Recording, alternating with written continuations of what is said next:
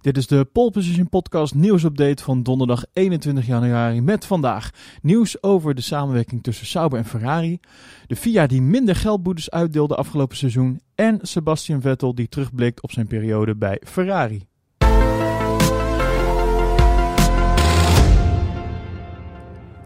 De FIA die deelde in 2020 minder geldboetes uit. Namelijk voor 58.200 euro aan geldstraffen zijn er opgelegd aan de coureurs en teams. En een jaar eerder was dat nog het dubbele. En in, in totaal kwam in 2020 de FIA op 27 tijdstraffen, 18 geldboetes en 12 gridstraffen. Nou, de tijdstraffen werden vooral tijdens de races voor lichte vergrijpen uitgedeeld. Uh, denk hierbij aan Lewis Hamilton die op Monza een tijdstraf uh, kreeg voor het binnenrijden van de pitstraat terwijl die was afgesloten. De 18 geldboetes werden vooral opgelegd voor het overschrijden van de maximumsnelheid in de pitstraat. De hoogte van die boete ligt uh, tussen de 200 en 1000 euro.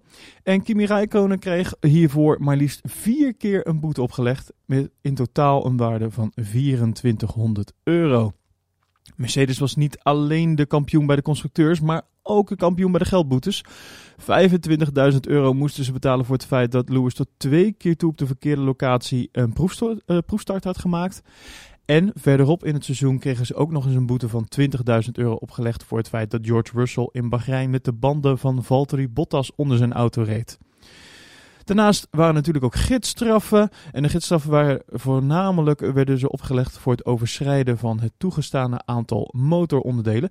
Maar bijvoorbeeld ook voor het negeren van gele vlaggen. Denk je bij aan George Russell die in Turkije vijf plaatsen naar achteren moest omdat hij te hard in een zone reed voor waar dubbele vlaggen werden gezwaaid.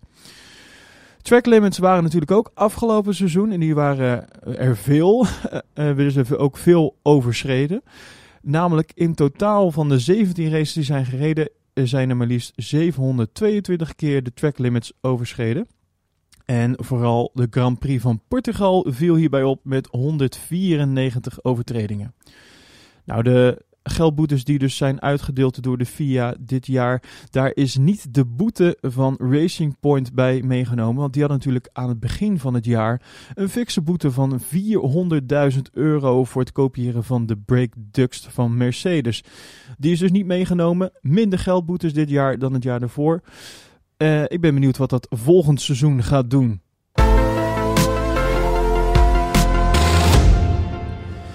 In een interview met Racer.com blikt uh, Sebastian Vettel terug op zijn Ferrari-avontuur. En hij zegt hierover: Het mislopen van die titel met Ferrari is geen frustratie waar ik de rest van mijn leven mee zit. Het behalen van die titel was natuurlijk wel het belangrijkste doel. En die heb ik niet behaald. Dus in die zin mist er wel iets. Maar ik denk dat dit me op de rest van mijn pad door de Formule 1 en erbuiten alleen maar zal helpen. Hij zegt daar verder ook over: Ik zal de Formule 1 rijker verlaten dan ik hiervoor was. En dan heb ik het niet over het geld. Ik heb het dan over de ervaringen die ik heb opgedaan en mij zullen helpen in het leven.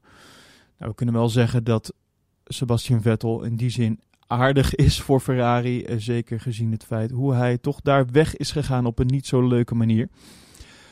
Er is ook over bij hem gevraagd over hoe lang zijn pad in de Formule 1 nog doorloopt. En daar heeft hij het volgende over gezegd. Ik zie mezelf niet doorgaan tot ik 40 ben. Ik heb nog een aantal jaren voor de boeg, maar dat zullen er geen 10 zijn. En ik denk ook dat je daar bewust van moet zijn. Nou, het komende seizoen gaan we Sebastian Vettel uiteraard zien bij het team van Aston Martin.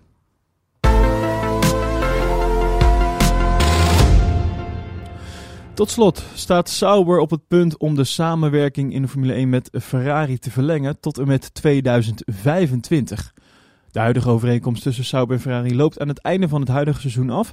En er waren geruchten dat de Zwitserse renstal, die sinds 2019 onder de naam Alfa Romeo uitkomt in de Formule 1, een optie zou zijn voor het nieuwe klantenteam van Renault te worden. Nou, uit informatie van motorsport.com blijkt echter dat Sauber en Ferrari hun samenwerking gaan verlengen en dat er een contract getekend gaat worden waardoor de renstal tot en met 2025 zal werken met Ferrari. Het nieuwe contract tussen de bedrijven is nog niet getekend, maar wel zijn er duidelijke plannen om de samenwerking voor te zetten. Zo is Sauber al begonnen aan het ontwerp van het chassis voor 2022 en daarbij is men uitgegaan van de afmetingen van de krachtbron en de versnellingsbrak van Ferrari. En alles wijst er dus op dat er een verlenging gaat komen van het huidige overeenkomst. Een samenwerking met Renault lijkt er dus niet te komen. Ja, voor meer nieuws en feitjes kun je terecht op onze Instagram, polepositionnl. En abonneer je op deze podcast via jouw favoriete podcast-app om op de hoogte te blijven van het laatste nieuws over de Formule 1.